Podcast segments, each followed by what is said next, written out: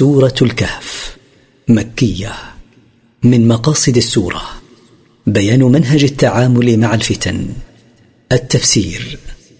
الحمد لله الذي أنزل على عبده الكتاب ولم يجعل له عوجا. الثناء بصفات الكمال والجلال وبالنعم الظاهرة والباطنة. لله وحده الذي أنزل على عبده ورسوله محمد صلى الله عليه وسلم القرآن ولم يجعل لهذا القرآن اعوجاجا وميلا عن الحق. قيما لينذر بأسا شديدا من لدنه ويبشر المؤمنين الذين يعملون الصالحات أن لهم أجرا حسنا. بل جعله مستقيما لا تناقض فيه ولا اختلاف ليخوف الكافرين من عذاب قوي من عند الله ينتظرهم ويخبر المؤمنين الذين يعملون الأعمال الصالحات بما يسرهم أن لهم ثوابا حسنا لا يدانيه ثواب. ماكثين فيه أبدا. خالدين في هذا الثواب أبدا فلا ينقطع عنهم. وينذر الذين قالوا اتخذ الله ولدا. ويخوف اليهود والنصارى وبعض المشركين الذين قالوا اتخذ الله ولدا. ما لهم به من علم ولا لآبائهم. كبرت كلمة تخرج من أفواههم. إن يقولون إلا كذبا. ليس لهؤلاء المفترين من علم أو دليل على ما يدعونه من نسبة الولد إلى الله وليس لآبائهم الذين قلدوهم في ذلك علم. عظمت في القبح تلك الكلمة التي تخرج من أفواههم دون تعقل. ما يقولون إلا قولا كذبا لا أساس له ولا مستند. فلعلك باخع نفسك على اثارهم ان لم يؤمنوا بهذا الحديث اسفا فلعلك ايها الرسول مهلك نفسك حزنا واسفا ان لم يؤمنوا بهذا القران. فلا تفعل فليس عليك هدايتهم وانما عليك البلاغ. انا جعلنا ما على الأرض زينه لها لنبلوهم ايهم احسن عملا. انا جعلنا ما فوق وجه الأرض من المخلوقات جمالا لها لنختبرهم ايهم احسن عملا بما يرضي الله وايهم اسوا عملا لنجزي كلا بما يستحقه. وأنا لجاعلون ما عليها صعيدا جرزا. وأنا لمصيرون ما على وجه الأرض من المخلوقات ترابا خاليا من النبات. وذلك بعد انقضاء حياه ما عليها من المخلوقات. فليعتبروا بذلك. أم حسبت أن أصحاب الكهف والرقيم كانوا من آياتنا عجبا؟ لا تظنن أيها الرسول أن قصة أصحاب الكهف ولوحهم الذي كتبت فيه أسماؤهم من آياتنا العجيبة بل غيرها أعجب مثل خلق السماوات والأرض. إذ أوى الفتية إلى الكهف فقالوا ربنا آتنا من لدنك رحمة وهيئ لنا من أمرنا رشدا. اذكر أيها الرسول حين التجأ الشبان المؤمنون فرارا بدينهم فقالوا في دعائهم لربهم ربنا أعطنا من عندك رحمة بأن تغفر ذنوبنا وتنجينا من أعدائنا. واجعل لنا من أمر الهجرة عن الكفار والإيمان اهتداء إلى طريق الحق وسدادا. فضربنا على آذانهم في الكهف سنين عددا. ثم بعد سيرهم ولجوئهم إلى الكهف ضربنا على آذانهم حجابا عن سماع الأصوات والقينا عليهم النوم أعواما كثيرة. ثم بعثناهم لنعلم أي الحزبين أحصى لما لبثوا أمدا. ثم بعد نومهم الطويل أيقظناهم لنعلم علم ظهور أي الطائفتين المتنازعتين في أمد مكثهم في الكهف. أعلم بمقدار ذلك الأمد. نحن نقص عليك نبأهم بالحق. إنهم فتية آمنوا بربهم وزدناهم هدى. نحن نطلعك أيها الرسول على خبرهم بالصدق الذي لا مرية معه. إنهم شبان آمنوا بربهم وعملوا بطاعته وزدناهم هداية وتثبيتا على الحق. وربطنا على قلوبهم إذ قاموا فقالوا ربنا رب السماوات والأرض لن ندعو من دونه إلها. لقد قلنا إذا شططا.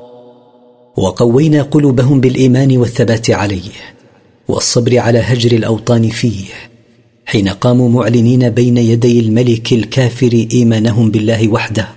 فقالوا له ربنا الذي آمنا به وعبدناه هو رب السماوات ورب الأرض. لن نعبد ما سواه من الآلهة المزعومة كذبا. لقد قلنا انا عبدنا غيره قولا جائرا بعيدا عن الحق. هؤلاء قوم اتخذوا من دونه آلهة.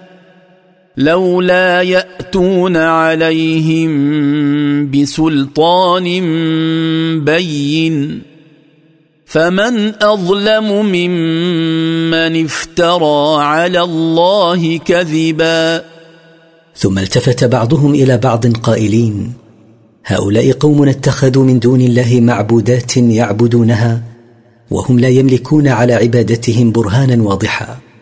فلا أحد أظلم ممن اختلق على الله كذبا بنسبة الشريك إليه. وإذ اعتزلتموهم وما يعبدون إلا الله فأووا إلى الكهف ينشر لكم ربكم من رحمته. ينشر لكم ربكم من رحمته ويهيئ لكم من أمركم مرفقا. وحين تنحيتم عن قومكم وتركتم ما يعبدون من دون الله فلم تعبدوا إلا الله وحده فالجأوا إلى الكهف فرارا بدينكم يبسط لكم ربكم سبحانه من رحمته. ما يحفظكم به من أعدائكم ويحمكم وييسر لكم من أمركم ما تنتفعون به مما يعوضكم عن العيش بين ظهراني قومكم. وترى الشمس إذا طلعت تزاور عن كهفهم ذات اليمين وإذا غربت تقرضهم ذات الشمال وهم في فجوة منه. ذلك من آيات الله. من يهد الله فهو المهتد ومن يضلل فلن تجد له وليا مرشدا. فامتثلوا ما أمروا به وألقى الله النوم عليهم وحفظهم من عدوهم. وترى أيها المشاهد لهم الشمس إذا طلعت من مشرقها تميل عن كهفهم جهة يمين الداخل فيه. وإذا غابت عند غروبها تعدل عنه جهة شماله فلا تصيبه. فهم في ظل دائم لا يؤذيهم حر الشمس وهم في متسع من الكهف ينالهم من الهواء ما يحتاجون إليه. ذلك الحاصل لهم من إيوائهم إلى الكهف وإلقاء النوم عليهم وانحراف الشمس عنهم واتساع مكانهم وإنجائهم من قومهم من عجائب صنع الله الدالة على قدرته. من يوفقه الله لطريق الهداية فهو المهتدي حقا. ومن يخذله عنها ويضله فلن تجد له ناصرا يوفقه للهداية ويرشده إليها. لأن الهداية بيد الله وليست بيده هو. وتحسبهم أيقاظا وهم رقود. ونقلبهم ذات اليمين وذات الشمال وكلبهم باسط ذراعيه بالوصيد لو اطلعت عليهم لوليت منهم فرارا ولملئت منهم رعبا وتظنهم أيها الناظر إليهم مستيقظين لانفتاح أعينهم والواقع أنهم نيام ونقلبهم في نومهم تارة يمينا وتارة شمالا حتى لا تأكل الأرض أجسامهم وكلبهم المرافق لهم ماد ذراعيه بمدخل الكهف لو اطلعت عليهم وشهدتهم لأدبرت عنهم هاربا خوفا منهم ولم تلأت نفسك رعبا منهم. وكذلك بعثناهم ليتساءلوا بينهم. قال قائل منهم كم لبثتم؟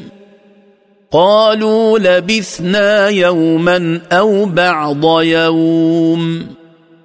قالوا ربكم أعلم بما لبثتم فبعثوا أحدكم بورقكم هذه إلى المدينة فلينظر فلينظر أيها أزكى طعاما فليأتكم برزق منه وليتلطف وليتلطف ولا يشعرن بكم احدا. وكما فعلنا بهم مما ذكرنا من عجائب قدرتنا ايقظناهم بعد مده طويله ليسال بعضهم بعضا عن المده التي مكثوها نائمين. فاجاب بعضهم مكثنا نائمين يوما أو بعض يوم. واجاب بعض منهم ممن لم تظهر له مده مكثهم نائمين. ربكم أعلم بمدة مكثكم نائمين. ففوضوا إليه علم ذلك وانشغلوا بما يعنيكم. فأرسلوا أحدكم بنقودكم الفضية هذه إلى مدينتنا المعهودة. فلينظر أي أهلها أطيب طعاما وأطيب مكسبا. فليأتكم بقوت منه. وليتان في دخوله وخروجه ومعاملته. وليكن لبقا. ولا يدع أحدا يعلم بمكانكم. لما يترتب على ذلك من ضرر عظيم. إنهم إن يظهروا عليكم يرجموكم أو يعيدوكم في ملتهم ولن تفلحوا اذا أبدا. إن قومكم إن يطلعوا عليكم ويعلموا بمكانكم يقتلوكم بالرجم بالحجارة أو يرجعوكم إلى ملتهم المنحرفة التي كنتم عليها قبل أن يمن الله عليكم بالهداية إلى دين الحق. وإن رجعتم إليها فلن تفوزوا أبدا لا في الحياة الدنيا ولا في الآخرة. بل ستخسرون فيهما الخسران العظيم بسبب ترككم دين الحق الذي هداكم الله إليه ورجوعكم إلى تلك الملة المنحرفة. وكذلك أعثرنا عليهم ليعلموا أن وعد الله حق وأن الساعة لا ريب فيها وأن الساعة لا ريب فيها إذ يتنازعون بينهم أمرهم فقالوا ابنوا عليهم بنيانا ربهم أعلم بهم. قال الذين غلبوا على أمرهم لنتخذن عليهم مسجدا. وكما فعلنا بهم الأفعال العجيبة الدالة على قدرتنا من إنامتهم سنين كثيرة وإيقاظهم بعدها.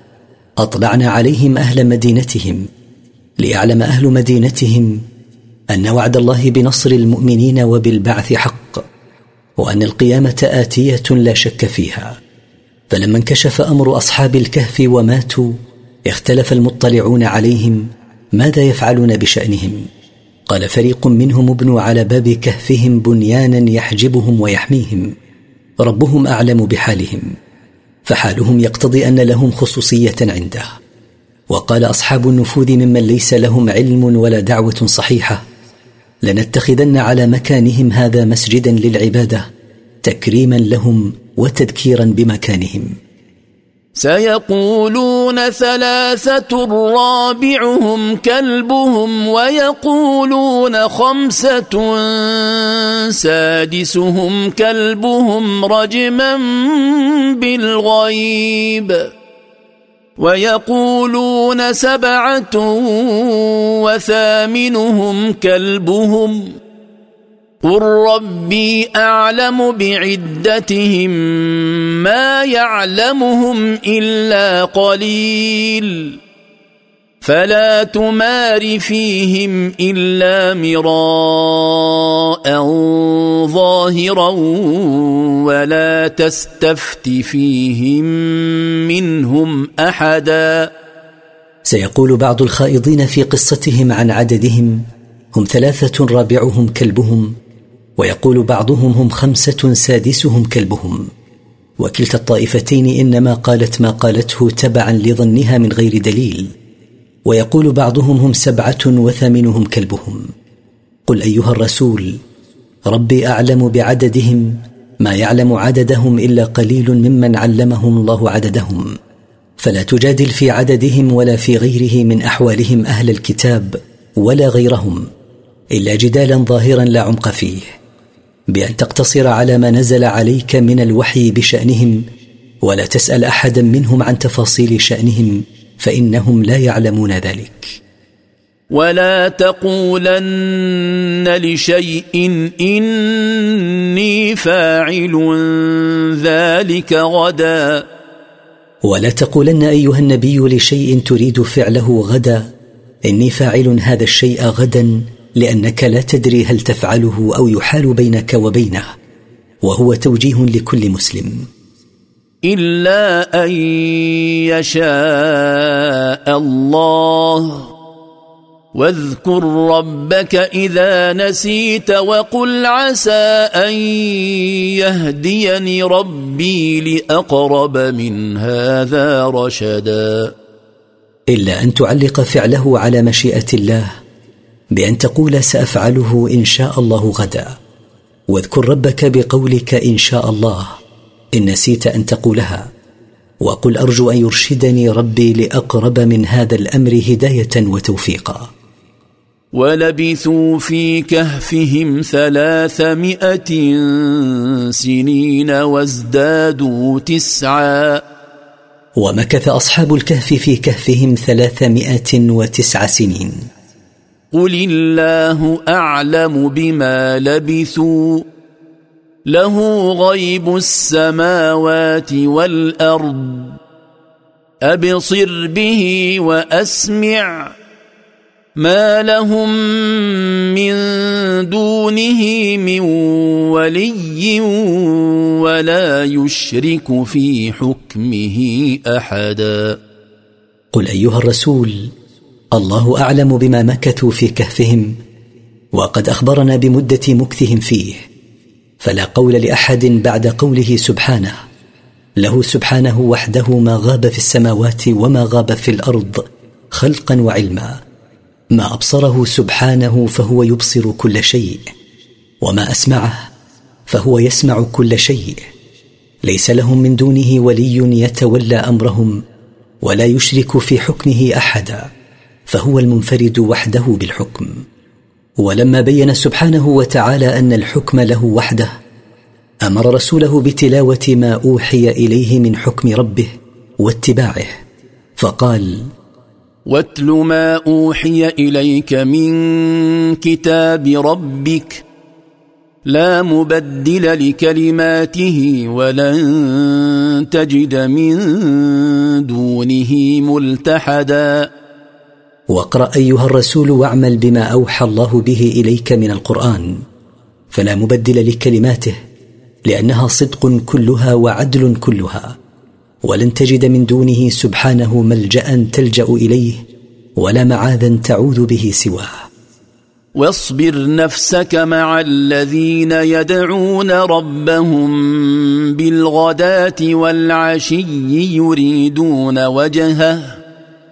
ولا تعد عيناك عنهم تريد زينه الحياة الدنيا ولا تطع من اغفلنا قلبه عن ذكرنا واتبع هواه وكان امره فرطا ألزم نفسك بصحبة الذين يدعون ربهم دعاء عبادة ودعاء مسألة أول النهار وآخره مخلصين له.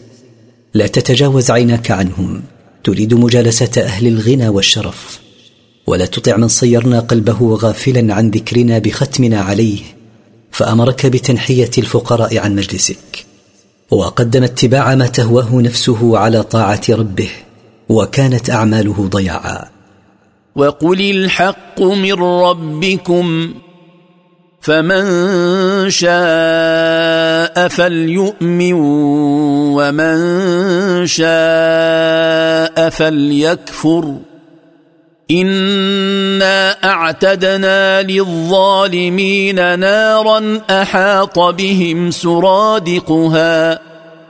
وان يستغيثوا يغاثوا بماء كالمهل يشوي الوجوه بئس الشراب وساءت مرتفقا وقل ايها الرسول لهؤلاء اللاهين عن ذكر الله لغفله قلوبهم ما جئتكم به هو الحق وهو من عند الله لا من عندي. ولست مجيب دعوتكم إياي أن أطرد المؤمنين. فمن شاء منكم الإيمان بهذا الحق فليؤمن به وسيسر بجزائه. ومن شاء منكم الكفر به فليكفر وسيستاء بالعقاب الذي ينتظره. إنا أعددنا للظالمين أنفسهم باختيار الكفر نارا عظيمة أحاط بهم سورها فلا يستطيعون فرارا منها. وإن يطلبوا غوثا بماء من شدة ما يلاقون من العطش يغاثوا بماء كالزيت العكر شديد الحرارة يشوي وجوههم من شدة حره. ساء شرابا هذا الشراب الذي يغاثون به فهو لا يغني من عطش بل يزيده. ولا يطفئ اللهب الذي يلفح جلودهم وساءت النار منزلا ينزلونه ومقاما يقيمون فيه. ولما ذكر الله ما أعد للظالمين من عذاب ذكر ما أعد للمؤمنين من ثواب كريم. فقال ان الذين امنوا وعملوا الصالحات أنا لا نضيع اجر من احسن عملا. ان الذين امنوا بالله وعملوا الاعمال الصالحات قد احسنوا عملهم فلهم ثواب عظيم. أنا لا نضيع اجر من احسن عملا بل نوفيهم اجورهم كامله غير منقوصه.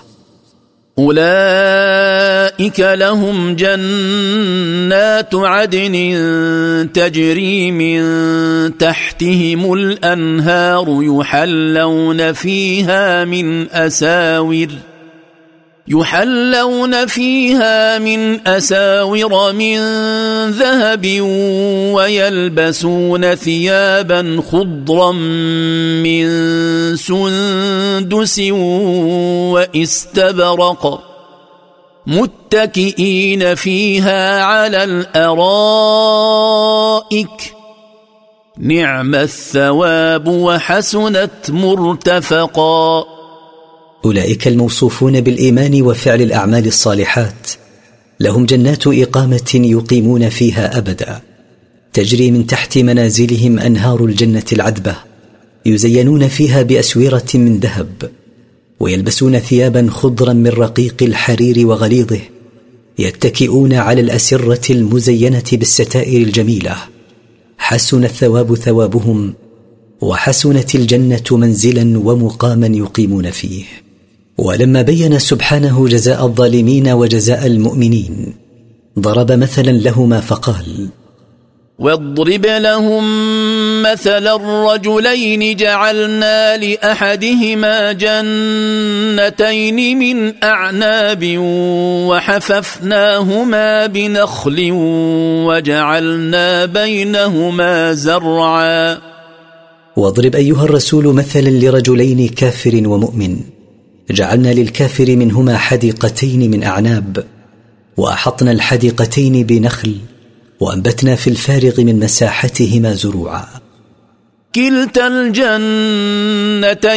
آتت أكلها ولم تظلم منه شيئا. وفجرنا خلالهما نهرا.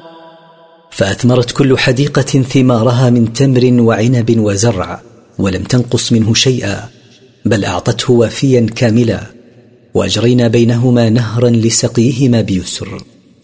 وكان له ثمر فقال لصاحبه وهو يحاوره أنا أكثر منك مالا وأعز نفرا.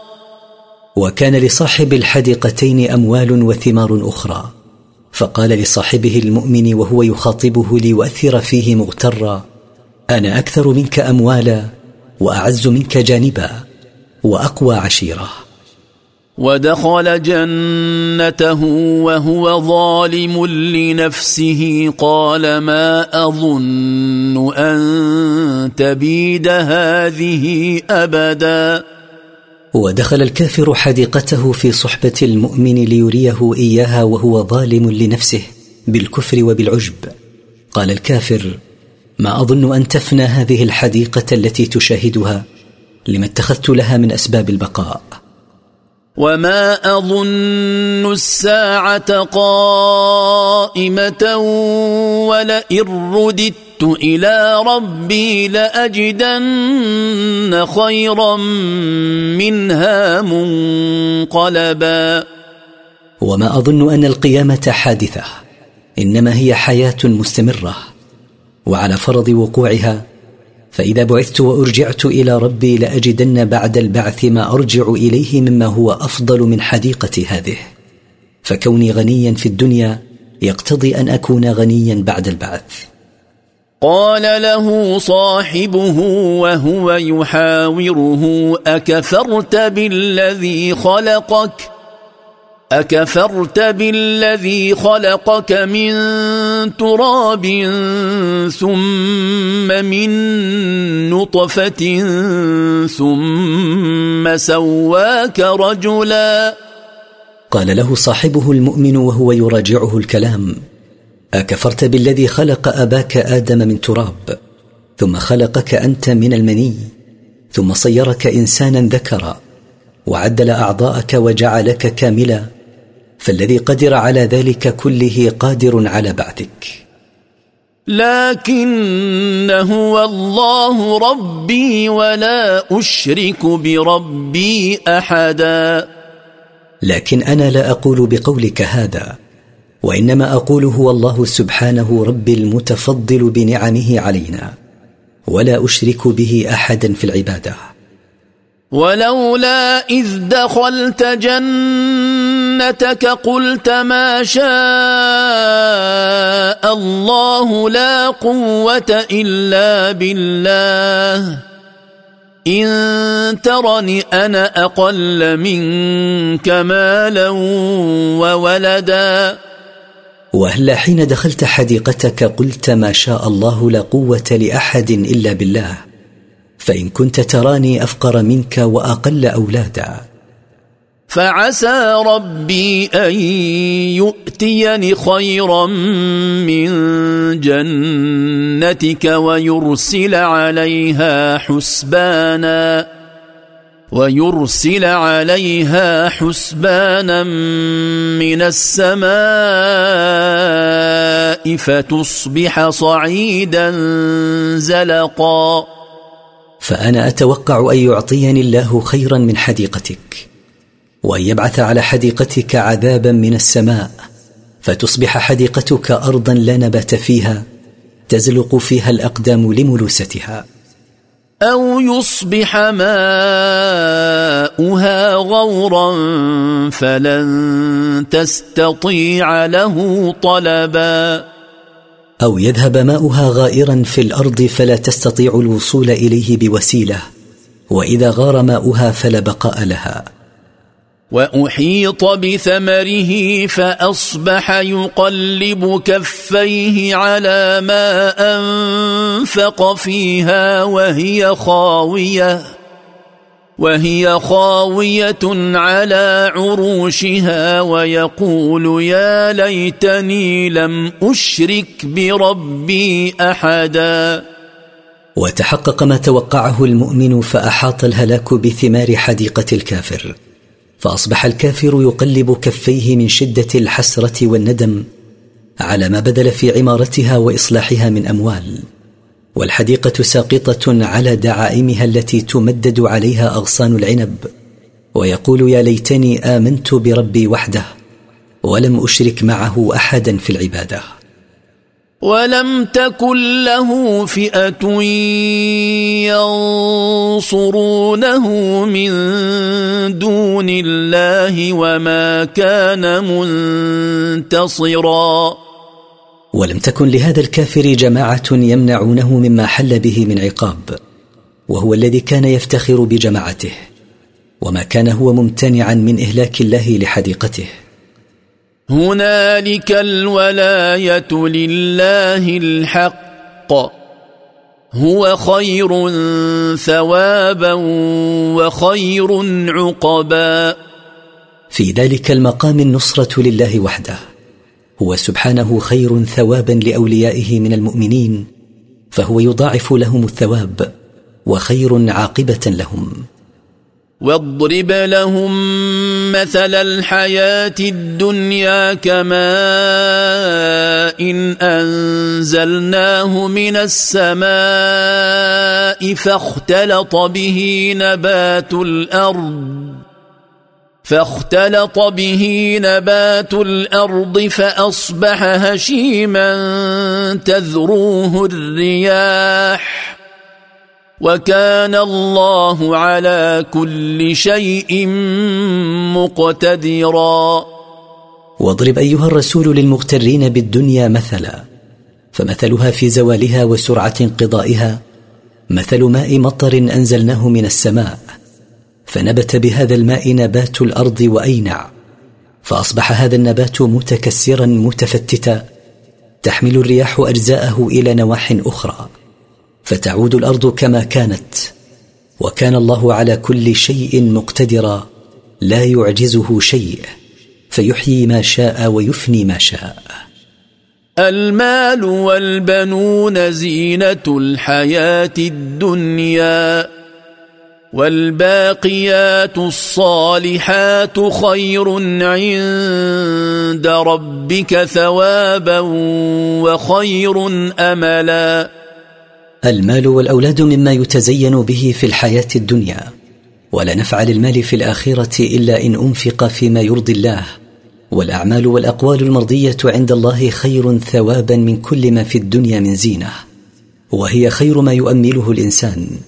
لأن زينة الدنيا فانية وثواب الأعمال والأقوال المرضية عند الله باق.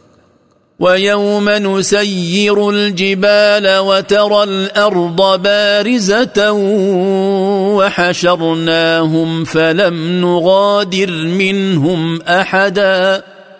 واذكر يوم نزيل الجبال من مواطنها وترى الأرض ظاهرة لزوال ما عليها من جبال وشجر وبناء. وجمعنا جميع المخلوقات فلم نترك منهم أحدا إلا بعثناه. وعرضوا على ربك صفا لقد جئتمونا كما خلقناكم أول مرة بل زعمتم أن لن نجعل لكم موعدا. وعرض الناس على ربك صفوفا فيحاسبهم ويقال لهم لقد جئتمونا فرادى حفاة عراة غرلا. كما خلقناكم أول مرة بل زعمتم أنكم لن تبعثوا وأنا لن نجعل لكم زمانا ومكانا نجزيكم فيه على أعمالكم. ووضع الكتاب فترى المجرمين مشفقين مما فيه ويقولون يا ويلتنا ويقولون يا ويلتنا ما لهذا الكتاب لا يغادر صغيرة ولا كبيرة إلا أحصاها ووجدوا ما عملوا حاضرا ولا يظلم ربك أحدا. ووضع كتاب الأعمال فمن آخذ كتابه بيمينه ومن آخذ إياه بشماله. وترى أيها الإنسان الكافرين خائفين مما فيه لأنهم يعلمون ما قدموا فيه من الكفر والمعاصي. ويقولون يا هلاكنا ومصيبتنا ما لهذا الكتاب لا يترك صغيرة ولا كبيرة من أعمالنا إلا حفظها وعدها. ووجدوا ما عملوا في حياتهم الدنيا من المعاصي مكتوبا مثبتا. ولا يظلم ربك أيها الرسول احدا. فلا يعاقب أحدا من غير ذنب ولا ينقص المطيع من أجر طاعته شيئا. وإذ قلنا للملائكة اسجدوا لآدم فسجدوا إلا إبليس كان من الجن ففسق عن أمر ربه. أفتتخذونه وذريته أولياء من دوني وهم لكم عدو. بئس للظالمين بدلا. واذكر أيها الرسول إذ قلنا للملائكة اسجدوا لآدم سجود تحية. فسجدوا كلهم له امتثالا لأمر ربهم إلا إبليس كان من الجن ولم يكن من الملائكة. فأبى واستكبر عن السجود فخرج عن طاعة ربه. أفتتخذونه أيها الناس هو وأولاده أولياء توالونهم من دوني وهم أعداء لكم. فكيف تتخذون أعداءكم أولياء لكم؟ بئس وقبح صنيع الظالمين الذين جعلوا الشيطان وليا لهم بدلا من موالاه الله تعالى. ما اشهدتهم خلق السماوات والارض ولا خلق انفسهم وما كنت متخذ المضلين عضدا. هؤلاء الذين اتخذتموهم أولياء من دوني هم عبيد أمثالكم. ما أشهدتهم خلق السماوات ولا خلق الأرض حين خلقتهما بل لم يكونوا موجودين. وما أشهدت بعضهم خلق بعض فأنا المنفرد بالخلق والتدبير وما كنت متخذ المضلين من شياطين الإنس والجن أعوانا فأنا غني عن الأعوان. ويوم يقول نادوا شركائي الذين زعمتم فدعوهم فلم يستجيبوا لهم وجعلنا بينهم موبقا. واذكر لهم أيها الرسول يوم القيامة إذ يقول الله للذين أشركوا به في الدنيا ادعوا شركائي الذين زعمتم أنهم شركاء لي لعلهم ينصرونكم. فدعوهم فلم يستجيبوا لدعائهم ولم ينصروهم وجعلنا بين العابدين والمعبودين مهلكا يشتركون فيه وهو نار جهنم. ورأى المجرمون النار فظنوا أنهم مواقعوها ولم يجدوا عنها مصرفا. وعاين المشركون النار فأيقنوا تمام اليقين أنهم واقعون فيها ولم يجدوا عنها مكانا ينصرفون إليه. ولقد صرفنا في هذا القرآن للناس من كل مثل وكان الإنسان أكثر شيء جدلا. ولقد بينا ونوعنا في هذا القرآن المنزل على محمد صلى الله عليه وسلم الكثير من أنواع الأمثال ليتذكروا ويتعظوا. لكن الإنسان وخاصة الكافر أكثر شيء يظهر منه المجادلة بغير الحق. وما منع الناس ان يؤمنوا اذ جاءهم الهدى ويستغفروا ربهم الا ان تاتيهم سنه الاولين أو ياتيهم العذاب قبلا وما حال بين الكفار المعاندين وبين الإيمان بما جاء به محمد صلى الله عليه وسلم من ربه وما حال بينهم وبين طلب المغفرة من الله لذنوبهم نقص البيان. فقد ضربت لهم الأمثلة في القرآن وجاءتهم الحجج الواضحة وإنما منعهم طلبهم بتعنت إيقاع عذاب الأمم السابقة عليهم ومعاينة العذاب الذي وعدوا به. وما نرسل المرسلين الا مبشرين ومنذرين ويجادل الذين كفروا بالباطل ليدحضوا به الحق واتخذوا اياتي وما انذروا هزوا وما نبعث من نبعث من رسلنا الا مبشرين أهل الايمان والطاعه ومخوفين أهل الكفر والعصيان وليس لهم تسلط على القلوب بحملها على الهداية. ويخاصم الذين كفروا بالله الرسل مع وضوح الدليل لهم ليزيلوا بباطلهم الحق المنزل على محمد صلى الله عليه وسلم وصيروا القرآن وما خوفوا به أضحوكة وسخرية. ومن أظلم ممن ذكر بآيات ربه فأعرض عنها ونسي ما قدمت يداه.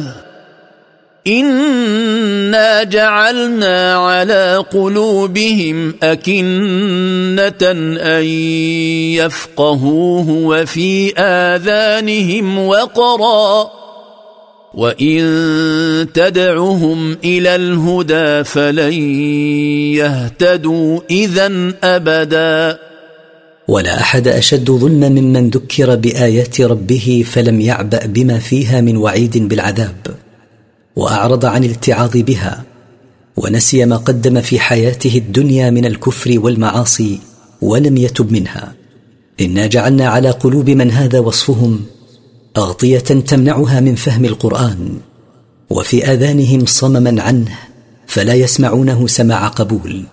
وإن تدعهم إلى الإيمان فلن يستجيبوا لما تدعوهم إليه ابدا ما دامت على قلوبهم أغطية وفي آذانهم صمم. وربك الغفور ذو الرحمة لو يؤاخذهم بما كسبوا لعجل لهم العذاب. بل لهم موعد لن يجدوا من دونه موئلا. ولئلا يتشوف النبي صلى الله عليه وسلم إلى معاجله المكذبين به بالعذاب. قال الله له وربك أيها الرسول الغفور لذنوب عباده التائبين ذو الرحمة التي وسعت كل شيء ومن رحمته أنه يمهل العصاة لعلهم يتوبون إليه. فلو أنه تعالى يعاقب هؤلاء المعرضين لعجل لهم العذاب في الحياة الدنيا لكنه حليم رحيم آخر عنهم العذاب ليتوبوا بل لهم مكان وزمان محددان يجازون فيه على كفرهم وإعراضهم إن لم يتوبوا لن يجدوا من دونه ملجأ يلجؤون إليه. وتلك القرى أهلكناهم لما ظلموا وجعلنا لمهلكهم موعدا. وتلك القرى الكافرة القريبة منكم مثل قرى قوم هود وصالح وشعيب. أهلكناهم حين ظلموا أنفسهم بالكفر والمعاصي وجعلنا لإهلاكهم وقتا محددا.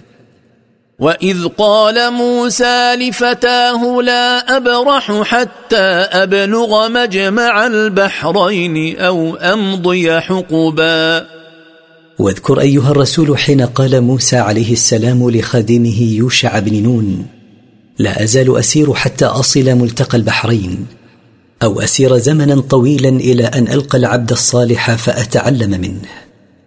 فلما بلغا مجمع بينهما نسيا حوتهما فاتخذ سبيله في البحر سربا. فسار فلما وصل ملتقى البحرين نسيا سمكتهما التي اتخذاها زادا لهما. فأحيا الله السمكة واتخذت طريقا في البحر مثل السرداب لا يلتئم الماء معه. فلما جاوزا قال لفتاه آتنا غداءنا لقد لقينا من سفرنا هذا نصبا.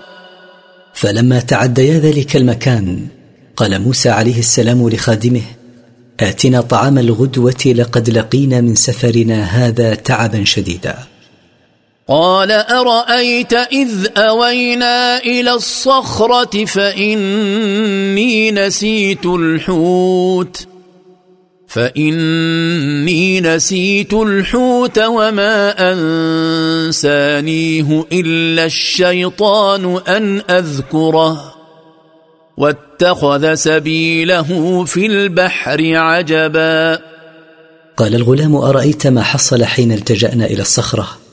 فإني نسيت أن أذكر لك أمر الحوت وما أنساني أن أذكره لك إلا الشيطان. فقد حيي الحوت واتخذ له طريقا في البحر يحمل على التعجب. قال ذلك ما كنا نبغ. فارتدا على آثارهما قصصا. قال موسى عليه السلام لخادمه ذلك ما كنا نريد فهو علامة مكان العبد الصالح. فرجعا يتتبعان آثار أقدامهما لئلا يضيع عن الطريق حتى انتهيا إلى الصخرة ومنها إلى مدخل الحوت.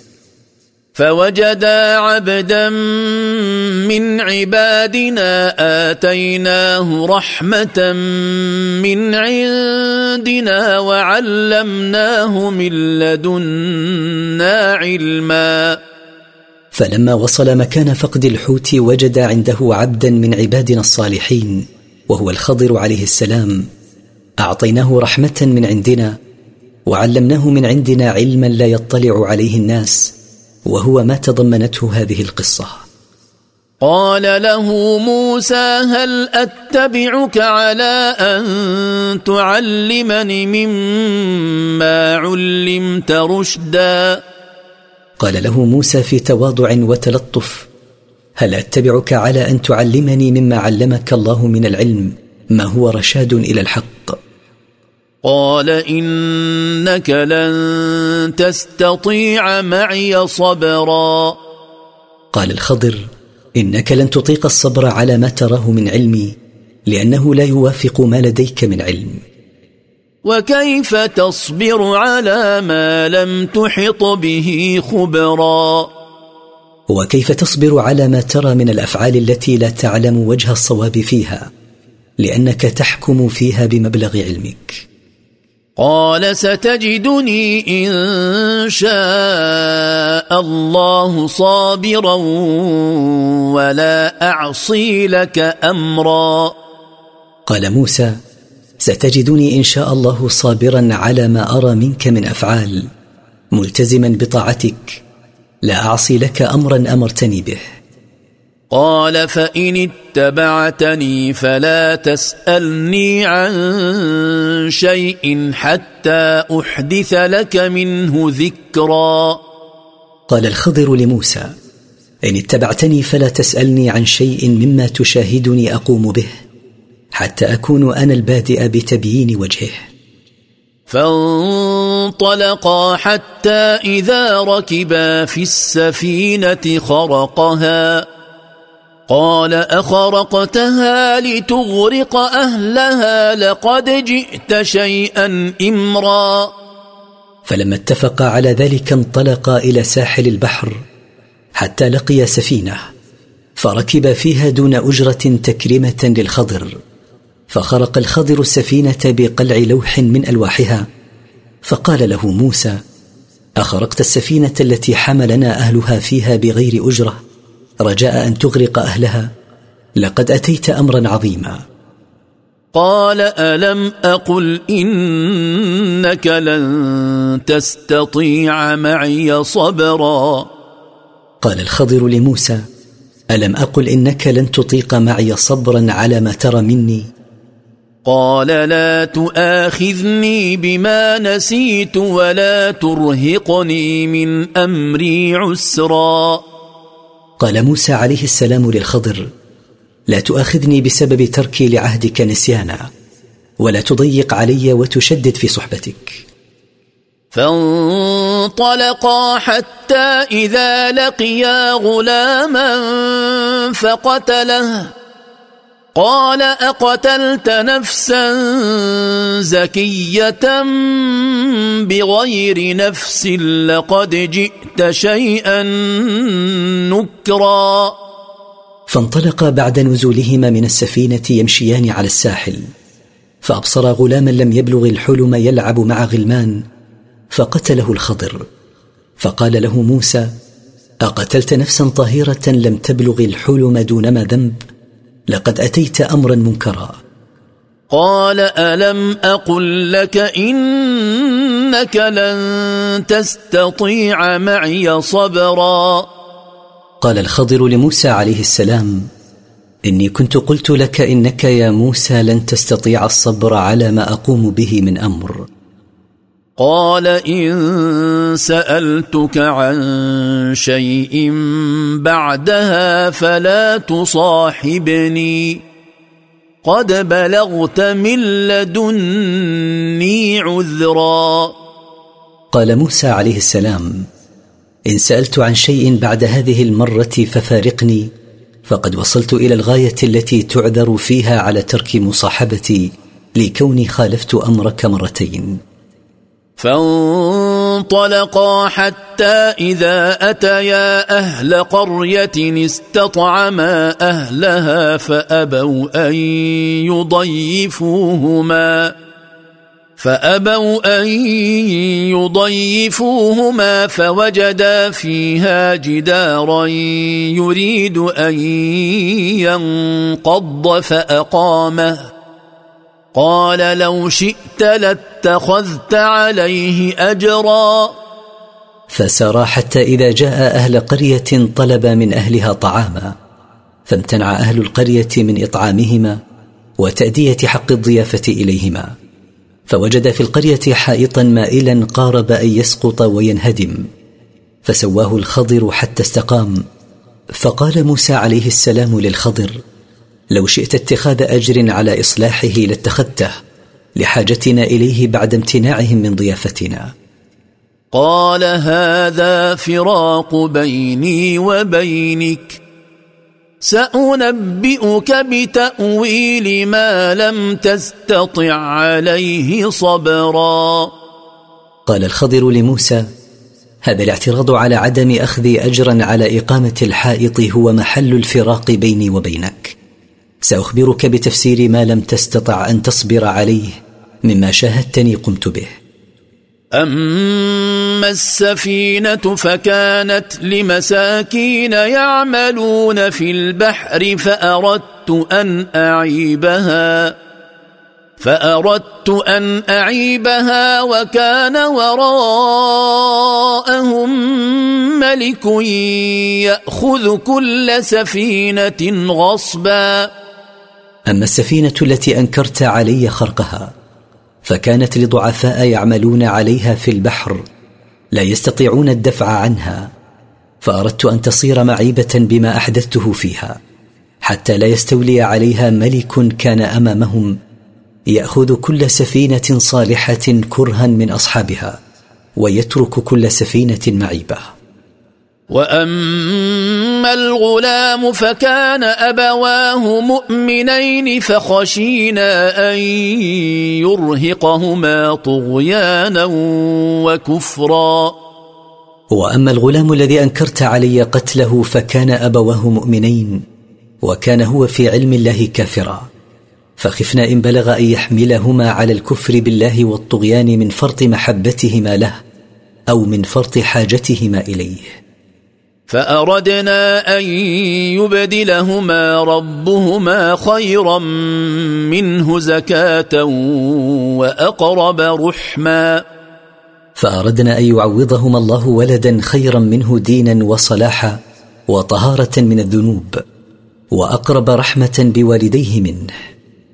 واما الجدار فكان لغلامين يتيمين في المدينة وكان تحته كنز لهما وكان ابوهما صالحا وكان ابوهما صالحا فاراد ربك ان يبلغا اشدهما ويستخرجا كنزهما رحمة من ربك وما فعلته عن أمري. ذلك تأويل ما لم تسطع عليه صبرا. وأما الحائط الذي أصلحته وأنكرت علي إصلاحه فكان لصغيرين في المدينة التي جئناها قد مات أبوهما وكان تحت الحائط مال مدفون لهما. وكان أبو هذين الصغيرين صالحا فأراد ربك يا موسى أن يبلغا سن الرشد ويكبرا ويخرج مالهما المدفون من تحته إذ لو سقط الحائط الآن لانكشف مالهما وتعرض للضياع وكان هذا التدبير رحمة من ربك بهما وما فعلته من اجتهادي ذلك تفسير ما لم تستطع الصبر عليه. ولما ذكر الله قصة الخضر ذكر قصة ذي القرنين لما بينهما من ترابط إذ إن كل منهما سعى لحماية الضعفاء. فقال ويسألونك عن ذي القرنين قل سأتلو عليكم منه ذكرا.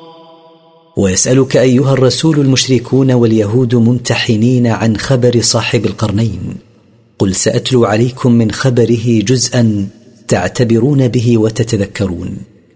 انا مكنا له في الأرض واتيناه من كل شيء سببا.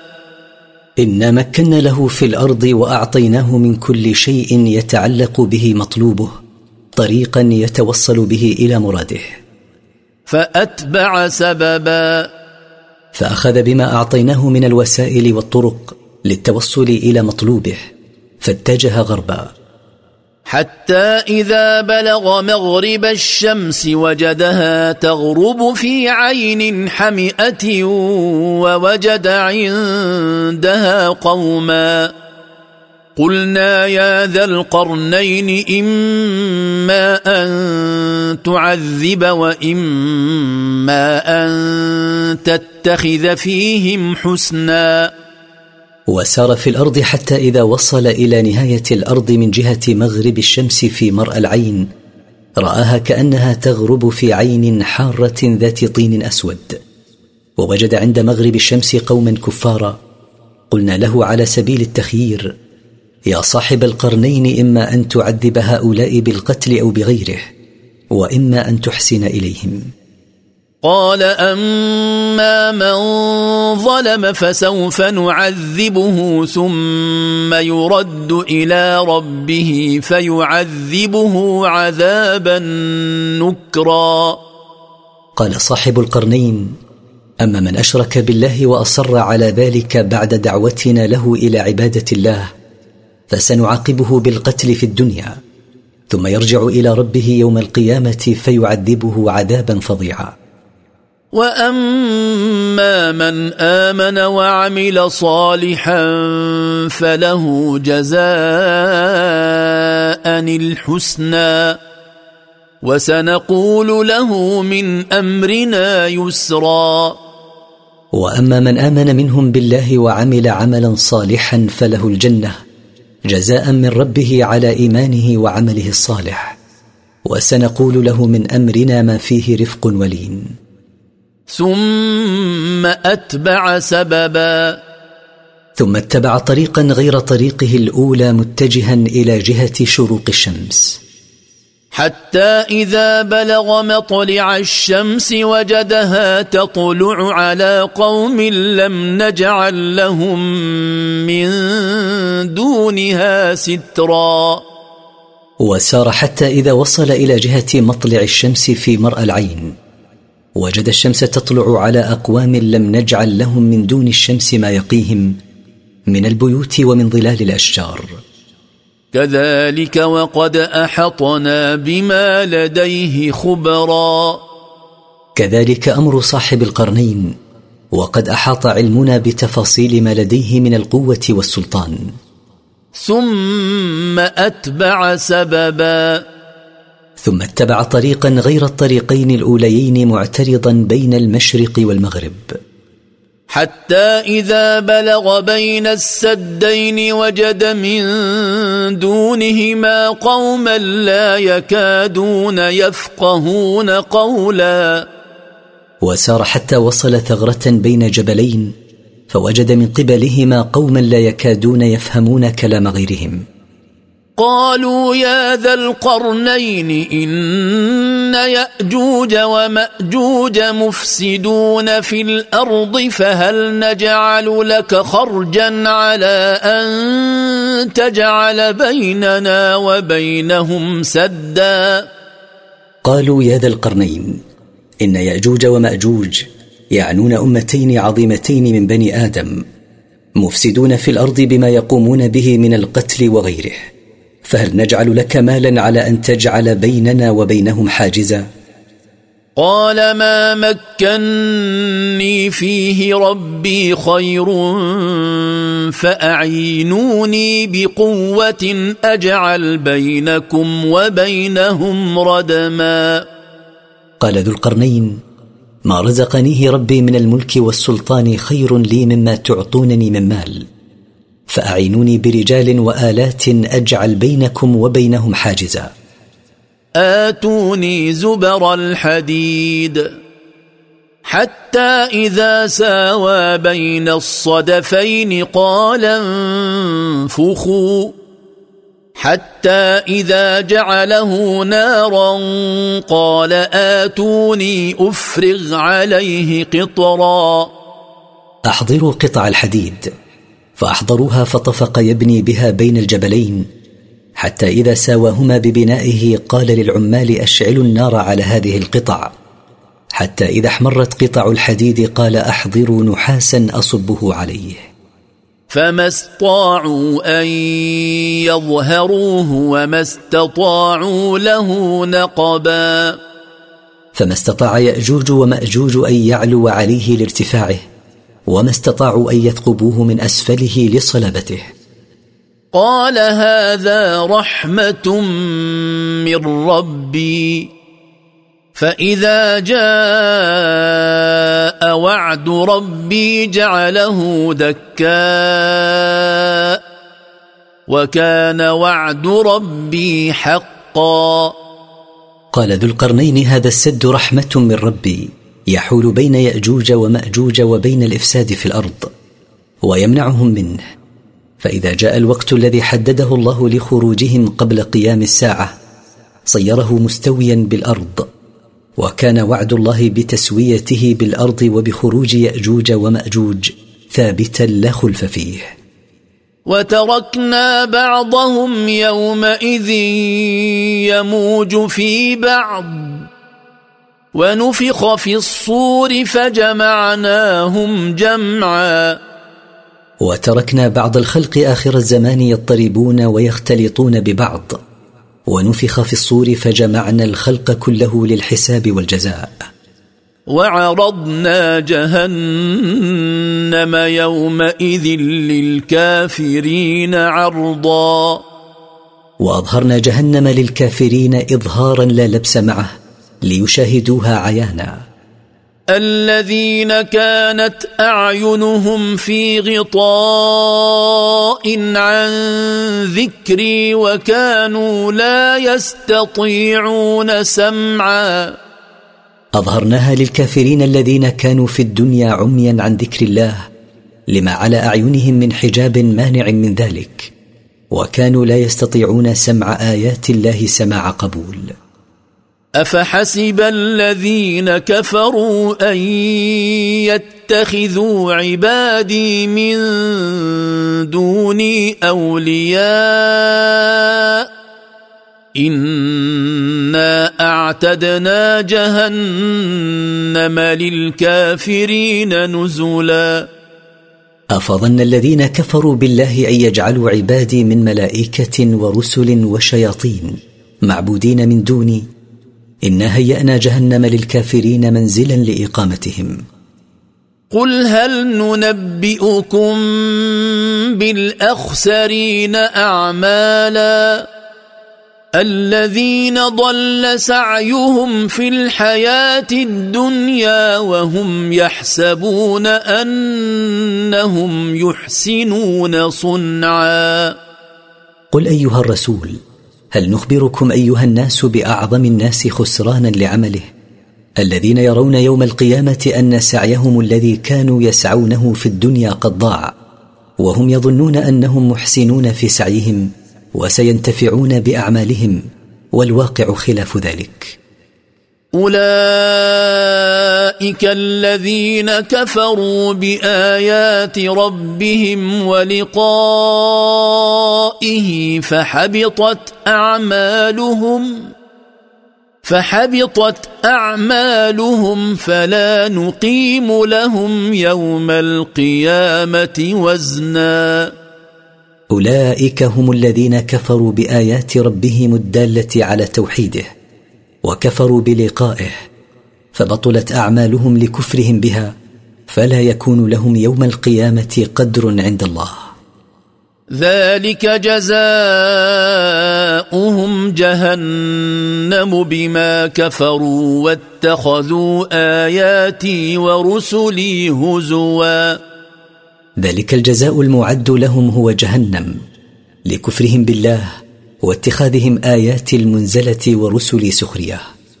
ولما ذكر الله جزاء الكافرين ذكر جزاء المؤمنين فقال إن الذين آمنوا وعملوا الصالحات كانت لهم جنات الفردوس نزلا. إن الذين آمنوا بالله وعملوا الأعمال الصالحات كانت لهم أعلى الجنان منزلا لإكرامهم. خالدين فيها لا يبغون عنها حولا. ماكثين فيها أبدا لا يطلبون عنها تحولا لأنها لا يدانيها جزاء. قل لو كان البحر مدادا لكلمات ربي لنفد البحر قبل أن تنفد كلمات ربي.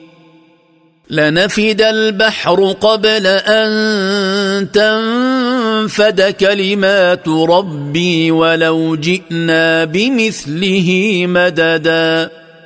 قل أيها الرسول إن كلمات ربي كثيرة فلو كان البحر حبرا لها تكتب به لانتهى ماء البحر قبل أن تنتهي كلماته سبحانه. ولو أتينا ببحور أخرى لنفدت أيضا.